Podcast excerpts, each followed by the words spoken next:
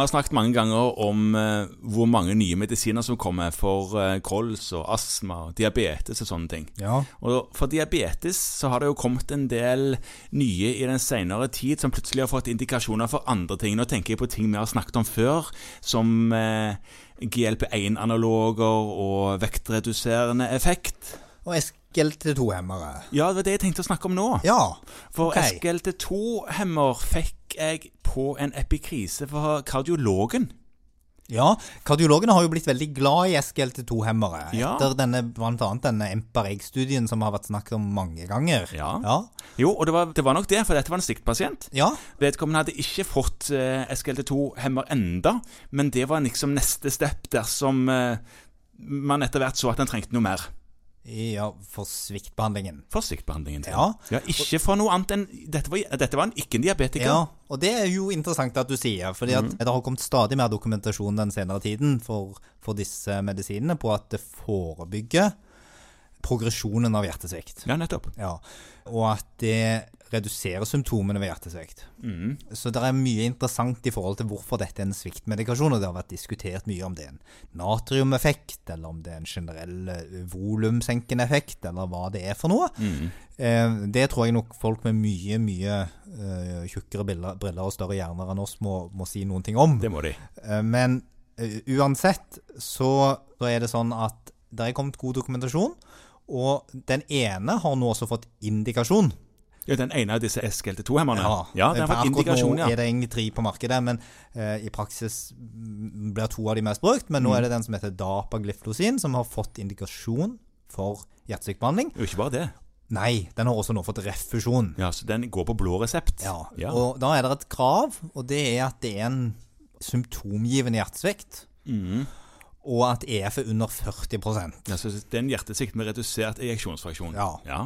Eh, Det hadde jo vært kjempespennende hvis at de hadde klart å vise noe for disse hjertesviktene med velbevart ejeksjonsfunksjon. Ja, og det er ikke som en av hjertesviktpasientene mine sa, at han tror han hadde normal eh, Hva var det han sa? Han tror han hadde normal ejakulasjonsfraksjon. Ja, Og det er noe helt annet. det er jo noen andre spesialister som forholder seg til det. Ja. Helt sant. Så hvis ejeksjonsfraksjonen er under 40 Mm. pasienten har en symptomgivende hjertesvikt, Ja. så kan man nå, og der er det ingen krav om at man må være spesialist i det ene eller det andre, man må på en måte bare ha målt dette en gang, så kan man da legge til eh, dapaglyfosin til de pasientene hvis man mener at det har en effekt, selv uten at pasienten har diabetes. Og SGLT2-hemmerne er jo tabletter, så det, du slipper liksom sprøyteform. Ja, kjempefint. Når det gjelder akkurat det med hjertesvikt, så er dataen på, på GLP-1 fortsatt ikke like god. Det gjøres forskning på det òg, som er kjempespennende. Men akkurat nå er det på en måte her vi har fått en endring som gjør at vi kanskje har noe å tilby en pasientgruppe som eh, sliter litt med, og som har mye symptomer. Og dermed på en måte de har, de har prøvd det aller, aller, aller meste. Mm, mm.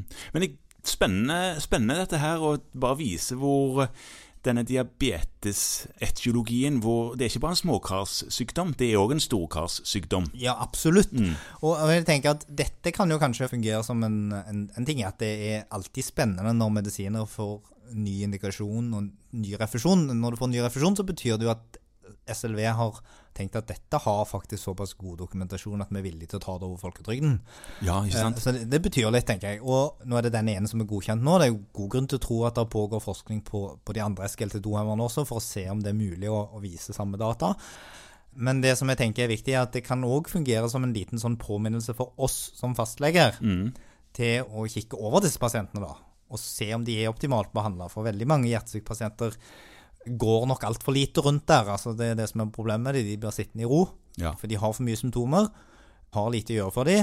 Og det lille vi kan, det bør vi gjøre. Så få de inn på kontroll og undersøk om de er optimalt behandla. Husk å ta nyreprøver. Ja. Eh, Ved alvorlig nyresvikt så skal du tenke deg om. Tenker du på med doseringen eller eh, indikasjonen for SGLT2 i det hele tatt? Ja, fordi at Da er det sånn at ved diabetes så forsvinner den blodsukkersenkende effekten etter hvert som nyrefunksjonen faller. Mhm.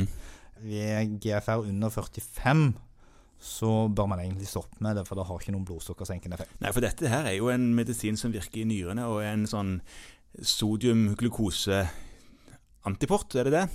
Ja, natrium- eller sodiumglukose-kotransporter. Ja, Ja. Ah, ko- ja kotransport, ja. Ikke antiport, men kotransport, ja. Mm. Men det som er sett med, med i hjertesviktdataene, er at du kan fint bruke det ned til en E EGFR på 30. ja. Så nyrene tåler det. Det er Ja. bare effekten for eh, diabetikeren forsvinner. Og det er begrensa data med E EGFR under 30. Mm. Det er det nesten alltid. Eh, Men det er ingenting som tyder på at det egentlig er toksisk for nyre. Nei. Hvem vet, kanskje blir det litt sånn som det var med ACE-hemmerne. Du husker kanskje det når vi begynte å studere for uendelig lenge siden. Mm. Det ga jo kreatininstigning og øh, fallende EGFR og allmenn bekymring. Hvis du spør nefrologene, så sier de Nei, det gi mer. bare gjør. Ja. Så tenk deg om hvis E EGFR faller under 30, da kan du kanskje snakke med en nefrolog eller en hjertespesialist om Ja. hva som er lurt. Men her trenger man jo ikke tenke på at den blodsukkersenkende effekten ser ut til å forsvinne. Nei. For her er det nyre og, og hjer- blodomløpet som er det viktige. Og hele poenget vårt nå, det var bare å si at SGLT2 både har fått indikasjon og refusjon, iallfall eh, etter preparatene på markedet.